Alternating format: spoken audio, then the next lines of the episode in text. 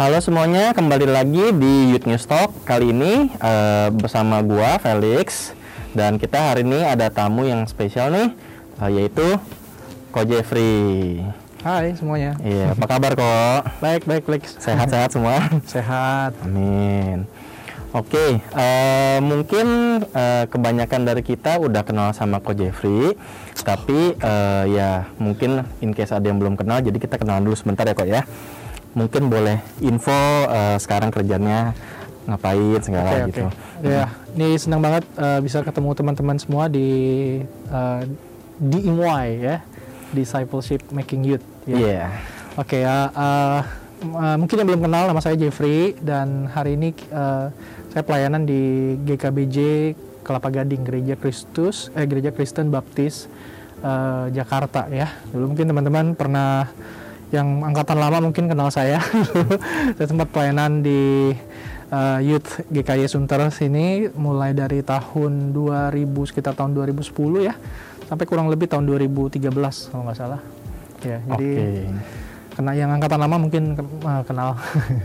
Oke.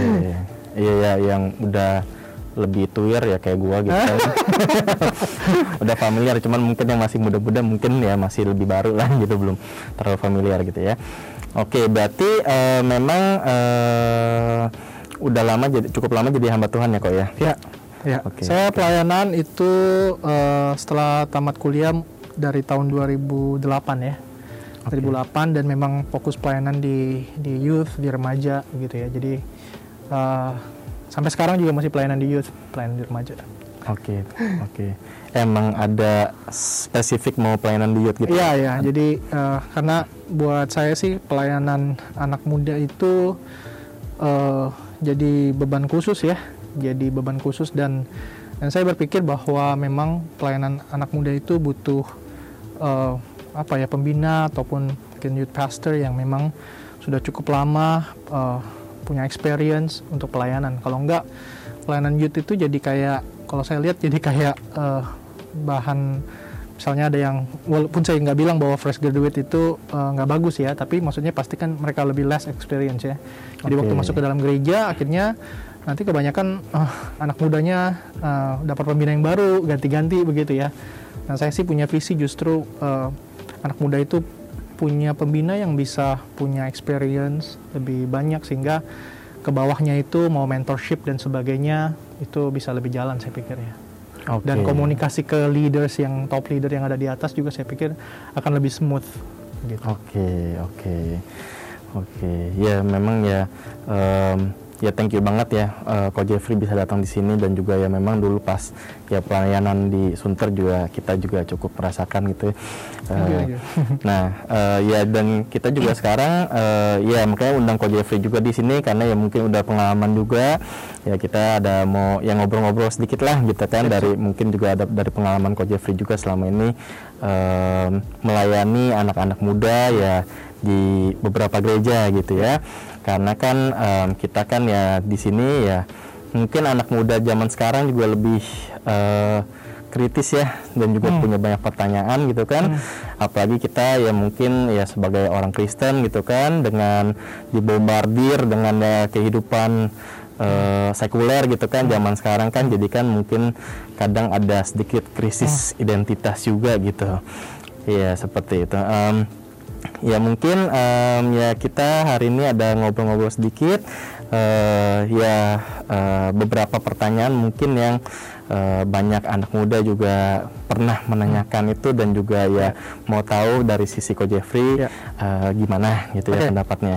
Ya. Oke, nah ya eh, mungkin kita eh, ya pertama eh, aku mau nanya nih kok em, tentang eh, keselamatan ya kok ya jadinya eh, kan mungkin kan kita eh, sedikit eh, berbeda gitu kan dengan eh, yang lain-lain gitu kan bahwa kita merasa eh, diajarin itu ya oh, Tuhan Yesus itu juru selamat kita satu-satunya gitu. Nah tapi eh, sebenarnya eh, perbuatan dari kita itu sebenarnya eh, bisa nggak sih ngefeknya nggak sih ke keselamatan kita gitu kok? Hmm, hmm, hmm, hmm. Ya ini topik yang yang menarik begitu ya dan buat saya sih ini topik yang udah dari abad ke abad diperbincangkan dan diperdebatkan. Dan kalau kita belajar uh, sejarah gereja dan teologi daripada sejarah gereja itu sendiri uh, pandangan tentang keselamatan itu kan gak cuma satu ya.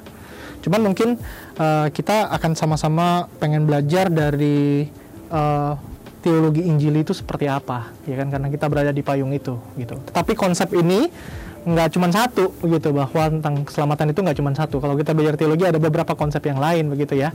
Jadi nggak usah kaget teman-teman kalau ngobrol oh kok beda? begitu. Padahal sama Kristen. Ya, ya sama Kristen. padahal tapi bisa beda gitu. Karena memang ada beberapa uh, teori begitu. Nah kalau ditanya uh, perbuatan itu bisa pengaruhi keselamatan nggak? Atau bisa nggak dengan perbuatan kita kita itu uh, mendapatkan keselamatan? Nah buat saya sih mungkin kita perlu bertanya sebenarnya keselamatan itu apa dulu. Oke. Okay. Iya kan? Yeah. Jadi sebelum kita masuk ke ke pertanyaan itu perta, uh, keselamatan itu apa sih gitu ya. Nah, kalau saya cek misalnya di di perjanjian baru itu uh, kata keselamatan itu sebenarnya dipakai satu istilah soteria. Soteria. Ya. Dan soteria itu kalau diterjemahkan uh, gamblangnya itu uh, deliverance kalau dalam bahasa Inggris. Deliverance itu artinya apa ya? kelepasan gitu ya deliver gitu ya, ya kita di deliver kita di, di, dilepaskan dari dari sesuatu. Jadi uh, dari situ dari kata itu aja kita udah udah bisa kebayang bahwa uh, yang namanya keselamatan itu artinya kita itu dilepaskan dari sesuatu. Nah sesuatu itu apa? Sesuatu yang pasti kan mengekang kita membelenggu kita. Dan kalau kita mau jawab pertanyaan apa yang membelenggu kita? Apa yang yang selama ini mengikat kita? Alkitab jelas memberikan kita gambaran bahwa yaitu dosa dosa yang membelenggu kita, dosa yang mengikat kita. Nah, di di dalam teologi Injil itu ada dua sebenarnya uh, aspek dari masalah dosa. Yang pertama itu dosa itu merusak relasi kita dengan Allah. Jadi relasi kita itu rusak dan kita itu terpisah oleh Allah. Keterpisahan itulah yang kita sebut sebagai uh, kematian. Jadi kalau didefinisikan kematian itu apa sih? Keterpisahan seperti Adam dan Hawa gitu ya. Iya, jadi Adam dan Hawa mengalami kematian secara rohani, ya, keterpisahan dari Allah. Dan kita kan mengenal uh, kematian itu ada tiga ya. Jadi ada keter, uh, ada kematian secara jasmani tentunya, dan kemudian kematian secara rohani kita terpisah relasinya dari Allah dan kemudian nanti kematian kekal di mana kita ya udah terpisah selamanya dari dari Allah. Nah itu yang pertama bahwa dosa itu uh, relasi kita uh, dengan Allah. Itu sebabnya kenapa Paulus kan dalam Roman 6 ayat 23 dia bilang upah dosa adalah maut maut. Dan maut itu di, diartikan bahwa memang kita terpisah dari Allah gitu. Nah yang kedua adalah begini. Dosa itu merusak natur kemanusiaan kita yang sebenarnya Tuhan menciptakan kita baik sekali gitu. Luar biasa ya. Tapi karena dosa rusak natur. Jadi kita mengalami corruptions di dalam diri kita dalam kehendak dalam keinginan, dalam pikiran, dalam perbuatan kita. Nah itu efeknya bisa ke mana-mana. Efeknya bahkan bisa nggak hanya memutari merusak relasi kita dengan Allah, tetapi juga relasi kita dengan sesama. Okay. Relasi kita dengan semesta, dengan alam. COVID misalnya. Ya saya nggak tahu teman-teman percaya uh, apa namanya Felix percaya teori konspirasi atau enggak. Tapi kalau kita percaya bahwa itu dari keserakahan manusia yang hmm. mengeksplor alam luar biasa termasuk animals kemudian mengakibatkan muncul virus ini ya itu bentuk wujud daripada implementasi daripada kerusakan natur manusia itu gitu yeah. jadi relasi dengan alam pun uh, rusak gitu ya. ya nah kondisi itu kan ngikat kita nih tadi kita terpisah dari Allah gitu ya natur kita rusak itu jadi itu kondisi itu kan mengikat kita, membelenggu kita sehingga Paulus itu pakai istilah kalau dalam tulisan Paulus itu kita itu disebut hamba dosa. Hmm. Kita diperbudak bahkan ya, ya kan? Betul, betul. Jadi diperbudak. Jadi Tuhan kita tuh ibaratnya kayak kayak dosa. Nah, sekarang gimana caranya supaya kita lepaskan dari belenggu ini? Pakai penggambaran Paulus, Paulus bilang begini, orang yang terpisah dari Allah itu mati mati karena dosa dan kesalahan kita itu dalam Efesus ya. Jadi bilang kamu udah mati dahulu karena kesalahan kamu karena dosa-dosa kamu gitu. Orang mati bisa usaha nggak sih? Jelas nggak bisa lah ya. bisa berbuat ya? Kan. Nggak bisa ya? Iya, Jadi kalau ditanya perbuatan kita bisa menyelamatkan kita lah gimana kita mati kok Oke. gitu. Jadi itu aja kita udah, udah udah bisa punya gambaran bahwa ya nggak bisa gitu loh. Karena perbuatan kita kita mau diselamatkan atau deliverance ourselves nggak bisa sebab kita dalam kondisi mati nih. Karena keterpisahan dengan Allah tadi kan kita sebut sebagai kematian tadi. Kita Iya, mati secara rohani, kan kita nggak bisa deliverance diri kita dari belenggu itu nggak bisa karena kita mati. Itu sih ya, yang apa namanya yang yang saya bisa katakan makanya eh, Paulus itu berulang kali bilang kita itu butuh kasih karunia keselamatan itu anugerah dari Tuhan. Iman kita itu adalah anugerah daripada Tuhan. Gitu. Percaya kita itu anugerah pemberian daripada Tuhan bukan hasil usaha kita. Gitu. Jadi kira-kira gitu jawabannya. Nah Oke. eh, tapi sering kali begini saya nggak tahu Felix eh, pernah dengar itu eh, ini atau enggak ya? Apa nih kok? Em, waktu kita kita pasti kan diajar tuh di khotbahin ya bahwa perbuatan kita nggak bisa menyelamatkan. Cuman ada orang cenderung itu kemudian menganggap bahwa perbuatan itu jadi nggak penting. Hmm. Nah saya kasih sebut aja eh, seorang apa tokoh reformasi bapak reformasi kita Martin Luther. Kan dari dia juga kan kita mengenal bahwa ya apa kita itu bukan dibenarkan karena perbuatan kita. Perbuatan Dia menolak ya. kan itu Betul. bahwa itu anugerah daripada Tuhan. Tapi di lain sisi sebenarnya Martin Luther juga menolak yang namanya disebut dengan antinomian. Antinomian itu anti hukum ya. Anti hukum. Iya, jadi eh, pengertiannya adalah hu- hukum dan perbuatan itu orang-orang yang yang antinomian itu merasa bahwa nggak perlu lagi hukum, nggak perlu lagi perbuatan gitu sama sekali. Padahal Martin Luther ya itu memang berkata bahwa orang dibenarkan itu karena memang eh, anugerah daripada Tuhan. Tetapi perbuatan baik itu tetap penting. Sebab perbuatan baik itu jadi tanda orang itu sebenarnya sudah punya keselamatan atau belum. Sudah diselamatkan atau belum. Jadi sebagai tanda Betul. bahwa sudah sebagai- diselamatkan Yes. gitu ya kak ya. Jadi kalau ada orang yang bilang bahwa dia sudah sudah diselamatkan tapi tidak ada perbuatan baik, moralnya nggak baik, gitu ya. Itu kita akan tanda tanya besar. Benarkah? Karena ini harus berjalan secara simetris gitu loh. Oke. Kira-kira gitu. Meskipun perbuatan kita tidak bisa menyelamatkan kita, melepaskan kita dari belenggu dosa, karena itu anugerah. Tunggu Tuhan dulu yang berinisiatif memberikan kita anugerah pemberian itu. Tetapi perbuatan setelah kita diselamatkan itu menjadi sebuah tanda bahwa kita memang sudah menerima Tuhan, percaya kepada Tuhan, dilepaskan dari belenggu dosa.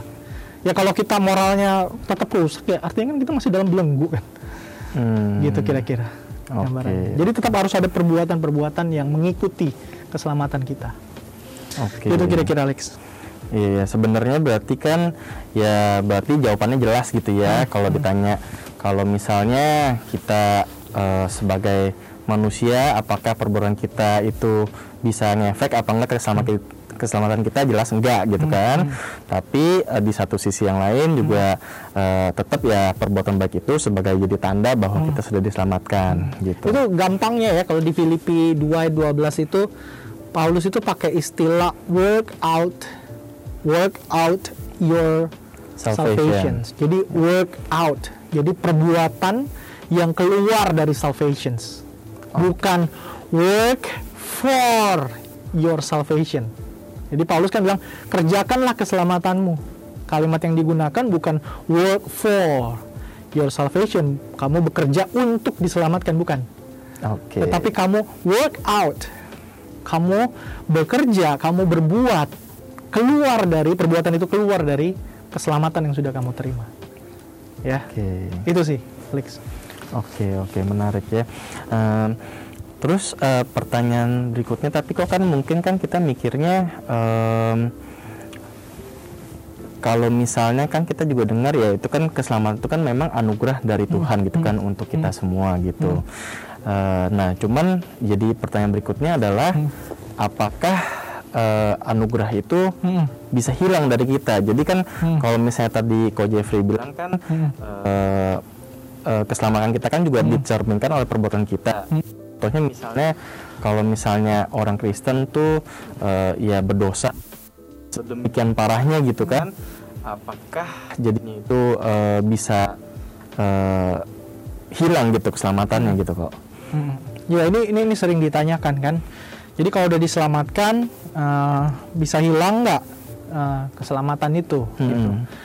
Uh, saya bacain satu ayat dulu ya dari Yohanes 10 ayat 29 supaya kita punya pegangan dulu nih. Oke. Nanti Yesus sendiri uh, ngomong begini ya, dia bilang Bapakku yang memberikan mereka kepadaku lebih besar daripada siapa pun dan seorang pun tidak dapat merebut mereka dari tangan Bapa.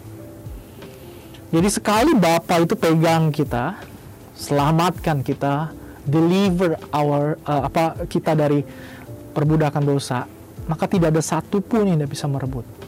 Either itu external apa namanya a force kekuatan di luar diri kita ataupun internal force yang ada di dalam diri kita. Kalau Bapak udah merebut itu. Nah, ini yang menjadi penghiburan kita. Gitu.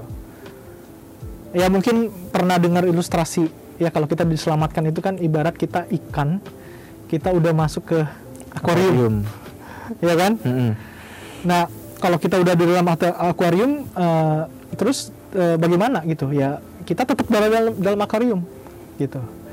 Nah, kalau kemudian dia jauh dari Tuhan, jatuh begitu ya, misalnya berbuat dosa, ya dia jatuhnya di dalam akuarium. Dia tetap ikan yang berenang di dalam kasih karunia Tuhan. Begitu, kira-kira. Oke, Jadi oke. Ya tidak ada yang bisa merebut gitu. Tapi kita nggak pernah excuse ya bahwa kemudian oh kalau gitu suka-suka gue dong. Gue mau ber- berbuat dosa. Nggak begitu ya? Oke. Nggak oke. begitu. Iya iya iya ya, karena memang itu em, yang suka dipakai jadi excuse orang-orang Mm-mm, gitu ya. mm-mm. Eh, jadinya oh ya karena gua udah selamat ya kenapa gua nggak boleh dosa gitu kan? Ya sekali-sekali boleh lah gitu kan. Ya malum lah Mm. Tuhan mengampuni ya. Iya, nah, nanti Tuhan juga ampunin lagi gitu. Itulah yang Luther juga tentang kan waktu itu bahwa dia menolak juga orang-orang yang antinomian tadi, yang nggak mau taat hukum, yang mau hidup bebas sesukanya, gitu. Kalau kata filsuf tuh ada begini, bilang uh, ada freedom itu kan ini kan ngomongin kebebasan ya. Freedom itu ada dua, ada namanya positive freedom sama negative freedom. Negative freedom itu adalah kebebas freedom without law. Jadi kebebasan tanpa hukum. Tapi filsuf juga menyadari ada freedom yang positif. Apa? Freedom with the law. Jadi dengan hukum gitu. Bayangin kalau kita lagi nyetir di jalan ya dan semua orang nggak mau taat aturan lalu lintas gitu ya. Lampu merah dia jalan lampu hijau dia stop ngopi gitu ya. Nah pertanyaannya adalah kita bebas nggak di jalan raya itu sampai kepada tujuan kita? Nggak bebas ya. Itu yang disebut dengan negative freedom. Oke. jadi nggak ada freedom yang sejati itu harusnya freedom dengan adanya boundaries adanya aturan. Sehingga kita bisa menikmati freedom itu dengan bebas di dalamnya gitu Jadi tetap ada limitnya gitu ya. Yes, ya? gitu. Oke. Itu yang memastikan kita menikmati freedom itu dengan luas, dengan luar biasa. Oke. Gitu. Oke oke. Nah em, ngomong-ngomong freedom nih ya kok ya kan em, ya ada kata free-nya juga kan kita juga em, ada yang namanya eh, free will juga gitu ya Hmm, ya kan hmm, kita hmm, hmm. kehendak bebas gitu Ya, kan. ya. Nah tadi kan eh, Ko Jeffrey kan bilang kan ada limitnya gitu. Ya. Nah cuman em, ya kan kita juga sering nanya gitu kalau misalnya eh, Tuhan itu kan udah mengatur semuanya gitu ya. Hmm. Nah tapi kan kita kan manusia kan juga Hmm. sebenarnya apakah kita benar-benar memiliki kehendak bebas Hmm. atau enggak gitu kan? Kalau misalnya kita semua udah diatur ya berarti mirip kayak robot dong gitu kan kok. hmm. Gimana tuh kok menurut kok? Iya. Nah, hal yang pertama ini dalam kaitan dengan keselamatan ya, supaya kita nggak nggak Ya. lebih luas ya bahwa eh, kira-kira eh, kehendak bebas it- manusia itu ada nggak ya kira-kira ya eh, di dalam eh, manusia itu bisa menerima keselamatan begitu kan? Nah, tadi yang eh, yang perlu kita pahami pertama adalah Tuhan itu kan nggak menciptakan kita sebagai robot. Ya. Itu yang kita baca di dalam kitab Kejadian, loh. Jadi Tuhan itu memberikan Adam kebebasan untuk memilih. Tuhan meletakkan pohon pengetahuan yang baik dan yang jahat di tengah-tengah taman itu. Karena Tuhan ingin dan rindu sekali supaya ciptaan Tuhan yang Tuhan anggap baik ini, manusia ini itu bisa taat kepada Tuhan dengan kehendak bebasnya, dengan sukarela, bukan sebagai robot. Tapi pada kenyataannya Adam dan Ja- Adam jatuh. Ya, Adam dan Hawa jatuh salah menggunakan kehendak bebasnya. Nah, gambaran saya tadi adalah begini. Allah itu pasti mengasihi semua manusia. Yohanes 3 ayat 16 kita udah hafal itu ya. Karena begitu besar kasih Allah akan dunia, bahkan bukan hanya manusia, dunia ini. Kasih Allah begitu besar. Ya. Nah, eh maka kalau dikatakan kasihnya itu universal kan artinya Tuhan itu kan kayak berikan kebebasan buat kita untuk meresponi kasih Allah itu atau enggak gitu kan. Nah, tetapi sebagai manusia berdosa tadi kita saya sudah jelaskan bahwa kita itu seperti orang mati. Orang mati bisa respons enggak sih? Oke. Atau gambaran Paulus yang lain seperti musuh. Gitu. Kalau orang mati kan ya berada di peti mati, kita mau kita sayang nih sama orang yang sudah meninggal entah saudara kita begitu ya. Kita bawain kue tiaw gitu ya. Hmm. Makan dong kue tiaw. Hmm. Coba. Kan kita dianggap gila. Nggak bisa lagi makan kue tiaw. Kalau mau kasih kue tiaw, kasih waktu dia masih hidup. Masih hidup ya. Iya kan? gitu. Nah gambaran kita tuh kayak orang mati itu. Itu Tuhan mau, mau bawa apa aja nggak bisa gitu ya. Ya, udah nggak punya kehendak lagi karena dia mati. Ah, maksudnya kehendaknya ada, tapi dia tidak bisa merespons gitu. Ya. Atau gambarannya sama kayak eh, orang eh, saya misalnya kita bertengkar nih, ya. Saya ludahin muka Felix, cus gitu ya Waduh. benci banget dong sama saya. Ludahnya depan depan ini lagi jemaat. Pasti benci banget ya. Besok-besok saya bawain pizza, saya bawa, bawa- bawain KFC, McD. Pasti kamu tolak dong. Gengsi. iya, dan satu pasti kamu benci banget dong. Iya, udah kesel. Nah gambarannya kan Pasti orang ber- orang berdosa kan kayak gitu sama Tuhan. Tuhan itu udah kasih sayang, create everything manusia, tapi dia ludahin mukanya Tuhan. Bahasa Paulus kita jadi seterunya Allah, musuhnya Allah. Nah, kapan relasi itu bisa balik lagi? Bukan karena kalau kita mau berkehendak pun kita nggak bisa. Sampai Tuhan yang sendiri yang inisiatif kamu sendiri yang diludahin itu datang dan bilang aku mau ampuni kamu. Gitu gambarannya. Ya. Ada seorang penulis teolog bahkan bilang begini, gambaran kita itu kalau bicara tentang free will, kita itu ibarat kita masih tetap free nggak? Kita ibarat burung yang punya sayap, tapi sayapnya itu broken, patah. Hmm. Dia tetap bebas untuk terbang nggak? Atau dia punya, tadi kan katanya punya kendak bebas juga nggak? Punya. Sama seperti burung tadi yang punya broken wings ya. Dia bisa tetap terbang nggak? Bisa, dia bebas bisa eh, dia bisa bi- eh, bisa eh, bebas untuk terbang nggak? Bebas. Ya kalau Free to fly. silakan Ya, gitu. free to fly, but cannot. Nggak bisa. Kenapa broken wings? Gitu. Jadi masih ada free will nggak? Masih tetap. Tapi masalahnya broken, nggak punya ability.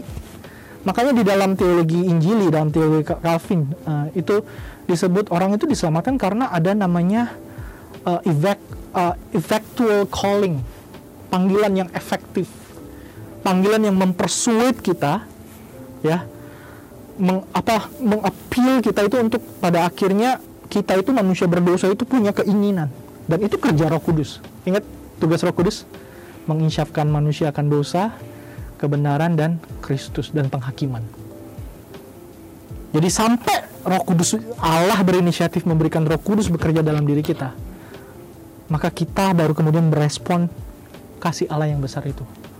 Makanya kita percaya bahwa kita itu diselamatkan karena anugerah inisiatifnya Allah, karena Allah yang bekerja dulu sebab kita mati. Kira-kira gambarannya begitu. Will-nya tetap ada, tapi tak mampu. Oke. Gitu. Ada tetap ada ya kok ya. Iya. Tapi ya eh, nggak 100% gitu Yes. ya. Oke. Karena tadi yang ilustrasinya itu ya cukup bagus sih. Jadinya Ya. bisa eh, lebih kebayang gitu ya. Eh, burung tapi sayapnya patah gitu kan. Iya. Mau terbang bi- boleh nggak? Bisa bisa apa nggak? Ya mau terbang boleh silahkan tapi kan do- ya kalau sayapnya patah ya nggak bisa terbang Iya. gitu. Oke, nah berarti kan kalau misalnya dari Ko Jeffrey juga kan eh, berarti semua kan itu inisiatifnya kan dari Tuhan gitu ya. Betul. Karena kita tanpa Tuhan ya nggak bisa apa-apa gitu istilahnya. Eh, eh, berarti kan eh, eh, ya Tuhan eh, tentuin gitu kan. Oh, eh, dia mau eh, selamatin Hmm. siapa aja nih gitu kan. Nah, dia kan memilih gitu kan Hmm. eh, siapa aja yang akan diselamatkan. Nah, cuman kalau misalnya em, seperti itu em, kesannya apakah jadi kayak pilih kasih nggak sih kok gitu? Hmm, Kayak Tuhan pilih kasih. Oh, kenapa eh, Tuhan nggak eh, kayak selamatin eh, semua orang gitu kok? Hmm. Ini saya kasih dasar dulu buat teman-teman ya, karena ini kan eh, teolog teologi keselamatan yang demikian ini eh, sering kali kan bu- apalagi buat orang zaman sekarang membuat orang pada akhirnya eh, melihat bahwa wah Allah lu memang Allah yang pilih kasih ya, so I don't want to believe apa namanya dengan Tuhan yang kayak gitu, gitu. Kenapa? Ya Allah lu pilih-pilih, kan gitu ya. Betul, betul. Nah, tapi waktu kita belajar sebagai murid Tuhan kan eh, kita menemukan memang itu ada di dalam Alkitab. And we cannot ignore those verse gitu loh. Misalnya saya kasih dua ayat aja di Yohanes 6 ayat 44 tuh memang bilang begini. Yesus sendiri bilang begini, "Tidak ada seorang pun yang dapat datang kepadaku jikalau ia tidak ditarik oleh Bapa yang mengutus aku dan ia akan kubangkitkan pada akhir zaman." Jadi nggak ada seorang yang bisa have a relationship again with God atau hidup kembali tanpa itu ditarik oleh Bapa. Ayat yang lain Yesus dengan jelas ngomong di dalam Yohanes 15 ayat 16 ini ayat terkenal sekali. Bukan kamu yang memilih aku, tetapi aku yang pilih kamu. Itu udah jelas banget. Gitu. Jadi ya memang Tuhan yang pilih kita mau gimana. Nah, sering kali pemahaman tentang Allah yang pilih kasih itu kan muncul karena kita memahami story-nya hanya sebagian. Kita harus memahami story-nya itu secara komplit. Bahwa Allah itu dari mulanya mengasihi kita, bukan hanya kita manusia, tapi seluruh semesta. Makanya Tuhan ciptakan. Jadi Allah bukan boring, lalu kemudian ciptakan dunia ini enggak ya? Oke. ya dunia yang diciptakan Tuhan memberi- mem- memberikan ruang di dalam dirinya ya. Allah Bapa Anak dan Roh Kudus di dalam relasi mereka yang begitu intim itu ya. Memberi ruang di dalam dirinya untuk kemudian ciptaan itu hadir. Itu aja udah tindakan kasih gitu. Nah Tuhan menciptakan semuanya. Manusia udah dikasih luar biasa. Tapi tahu manusia yang memberontak. For the first time at the first place Tuhan itu kasih. Dan Yohanes kan bilang gitu ya Allah adalah kasih. Tapi kan manusia yang ludahin Tuhan. Itu sebabnya ya murka Tuhan upah dosa adalah maut keterpisahan dari Allah itu yang menjadi upah kita. Kenapa karena kita ludahin kasihnya Allah Allah yang mengasihi kita. Gitu. Lalu kemudian Allah yang udah diludahin ini ini pakai bahasa saya aja nih. Kemudian mau kemudian punya kerendahan hati karena cintanya begitu besar tetapi dia hanya mau mengasihi sebagian. Kok kita bilang pilih kasih? Bukankah itu bentuk daripada dia still extended his love bukan pilih kasih nggak berhak kita ngomong pilih kasih. Karena kalau dia mau nggak pilih kasih ya semua binasa. Ya kan? Semua manusia berarti upahnya maut. That's all. Full stop.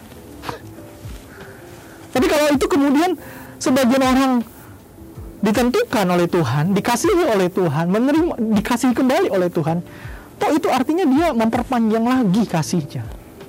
Yang sebenarnya udah full stop sampai sampai dia diludahi ya udah upahmu maut. Oke. Nah, jadi pemahaman tentang Allah yang pilih kasih demikian itu buat saya sih eh, karena memahami eh, story tentang kasih Allah itu eh, sebagian aja, tidak memahami secara komplit. Kurang lebih begitu ya. Nah, ini pemahaman yang yang kita pegang lah, yang kita eh, di dalam teologi Injili ya, gitu. Ada pandangan yang lain nggak? Ada. Jadi saya nggak bilang bahwa ini satu-satunya eh, pandangan, tem- teman-teman ya. Ada pandangan yang lain ada. Jadi nggak usah kaget kalau kemudian kita uh, uh, apa namanya menemukan teori atau teologi yang berbeda. Oke. Okay. Ya kita maklumin aja dan dan kita mungkin bisa belajar melihat dari uh, mereka itu melihat dari perspektif yang mana. Mungkin bisa bukannya menjadi lawan debat tapi enrich hmm. our perspective itu sih buat saya. Karena sekarang kan bukan bukan eranya competition kan, eranya collaborations gitu ya. Kurang lebih begitu dah kemarin.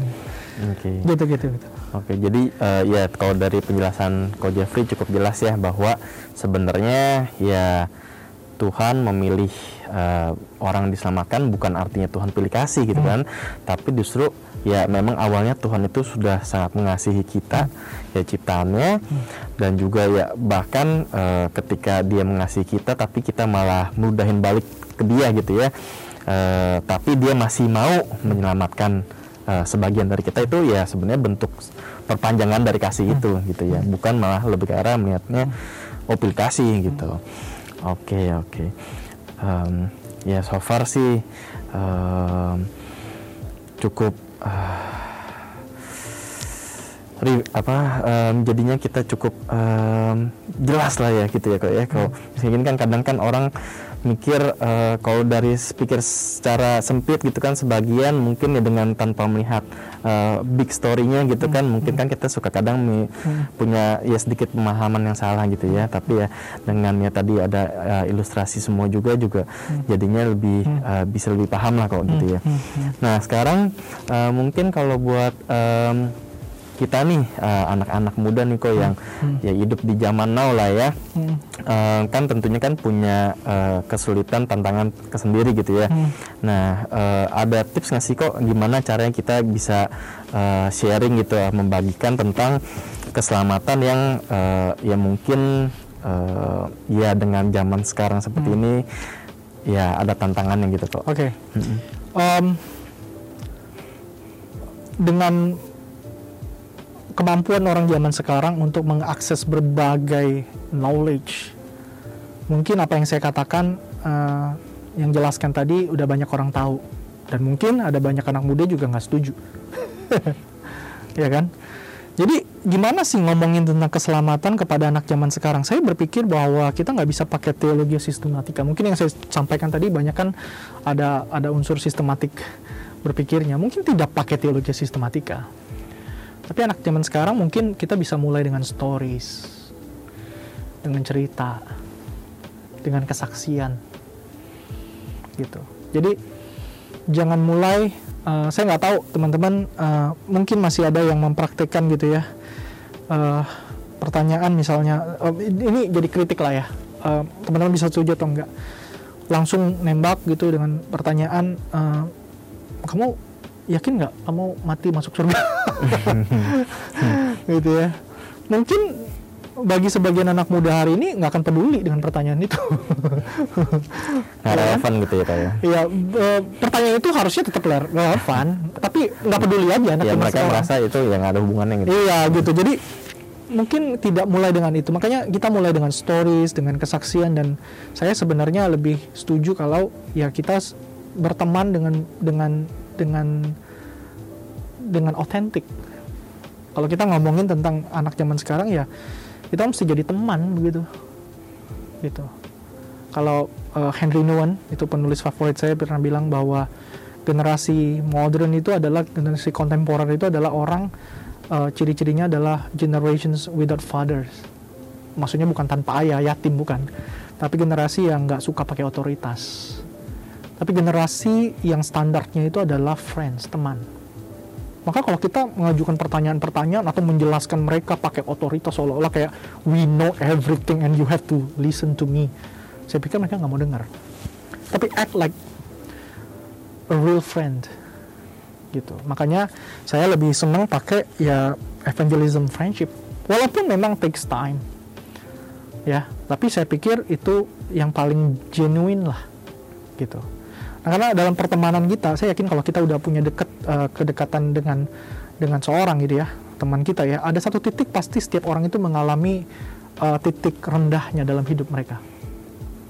Di saat dia sharing titik rendah itulah, di situ kita membagikan stories bahwa manusia memang rapuh dan manusia itu butuh Tuhan manusia nggak bisa menyelamatkan diri sendiri bahkan stand up by yourself to solve all your problems nggak bisa. Gitu. Jadi bersabar jangan buru-buru ya.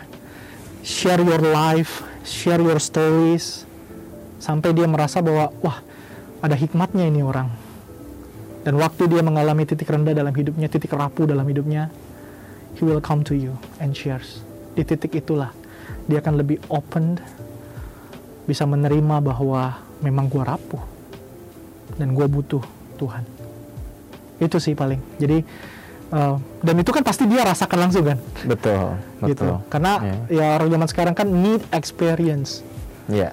not theory. Ya ya kira-kira gitu deh Alex. Iya iya ya memang sih jadinya kelihatan ya em, ya mungkin kan juga kayak ya aku sendiri juga ngerasa gitu kan. Kalau misalnya mungkin contohnya kalau orang dulu kan lebih eh, misalnya eh, suka nih eh, PA gitu kan belajar Alkitab segala gitu. Cuma mungkin kalau anak-anak muda sekarang kan mungkin mereka lebih eh, carinya tuh eh, ya PA tetap penting gitu kan bukan nggak penting. Tapi juga mereka mau eh, something yang memang bisa relate sama mereka personally gitu ya.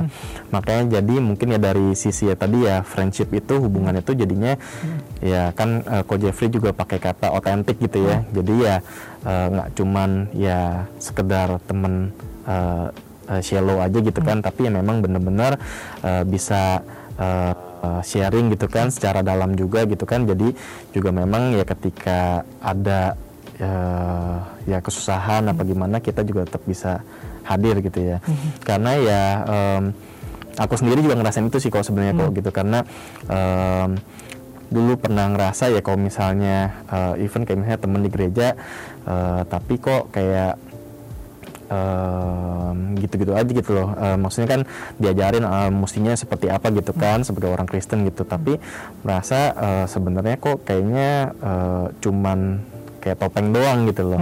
Tapi ya begitu pas eh, kan dulu kan aku kan pernah kuliah di luar gitu kan bisa ngerasain bahwa eh, pertemanan yang em, ya otentik itu tuh. Jadinya ya bisa sharing secara eh, hati ke hati lah gitu ya meskipun laki-laki gitu kan kita kan lebih biasanya lebih eh, tertutup gitu kan dan juga ya orang timur ya. Iya, gitu kan lebih eh, nggak mau expose lah gitu Iya. kan our own weakness gitu kan cuman ya begitu merasakan itu ya memang kita jadi bisa lebih eh, menerima juga gitu ya. Oke oke oke. Eh, thank you kok. Terus em, sama mungkin em, eh, terakhir nih ya kok ya em, untuk em, kita sebagai eh, orang Kristen nih yang zaman now juga gitu kan eh, apa sih challenge terbesar kita gitu Nah ini pertanyaan yang yang menarik yang saya tunggu sebenarnya. Buat saya sebenarnya pertanyaannya adalah eh, jawabannya adalah teknologi dan pada waktu yang simul- secara simultan juga loneliness, kesepian. Kenapa saya bilang teknologi ya? Karena teknologi itu kan membawa kita orang modern ini eh, ke level kehidupan peradaban yang sangat tinggi yang belum pernah ada sebelumnya. Nah, Bayangin aja hari ini, bayangin kalau pandemi terjadi dulu waktu kita belum punya teknologi kayak gini. Susah kan? Tapi hari ini kita orang bisa jadi makin pinter, ya. Saya punya anak-anak yang yang apa namanya, yang sudah lama nggak ketemu gitu ya, waktu pandemi, waktu sekali eh, telepon, wah ternyata dia udah belajar banyak banget, gitu. Ada satu orang anak ikut eh, eh, kuliah, tapi dia ambil tuh eh, apa namanya eh, mata kuliah mata kuliah ataupun eh, course-course yang ada di luar dari universitinya university terkenal di dunia. Padahal ya ada stay-nya di Jakarta. Jadi dapat sertifikat ini, sertifikat ini kayak wah luar biasa teknologi itu luar biasa. Apalagi hari ini lagi rame itu misalnya kayak metaverse gitu ya, NFT. Iya. Nah, nggak- saya nggak tahu teman-teman explore itu atau enggak, tapi eh, apa namanya teknologi itu memainkan peranan yang penting dan banyak mendatangkan kebaikan buat kita. Tapi jangan lupa segala sesuatu yang baik biasanya ada aksesnya. Gitu. Ya. Aksesnya apa? Satu, misalnya kalau anak muda zaman sekarang ya, hari ini orang mau ngakses pornografi itu gampang banget kan? Ya. Sama kayak akses buat semuanya lah gitu Iya, gitu. Zaman dulu, waduh, saya ingat zaman saya teman-teman gitu ya eh, mau akses pornografi kayak kartu remi atau apa, wuh, susah banget gitu ya. Sewa DVD. Ini saya belak belakan aja deh. Zaman sekarang nggak perlu, gitu kan. Jadi aks- jadi itu jadi tantangan. Jadi teknologi itu jadi mendatangkan banyak kebaikan, tapi juga pada waktu yang sama menghadirkan tantangan buat kita apalagi kita merasa bahwa kita ini orang diselamatkan kan itu saya bilang bahwa perbuatan itu penting sebagai tanda. Gitu. Setelah kita diselamatkan. Ini kan jadi challenge buat kita untuk mengerjakan mengerjakan yang namanya dalam doktrin uh, Kristen itu keselamatan itu sebagai sanctification pengudusan proses pengudusan. Yang butuh perbuatan-perbuatan dan usaha kita. Itu kan jadi challenge gitu. Bayangkan misalnya kemarin yang rame tentang NFT misalnya kalau ikutin.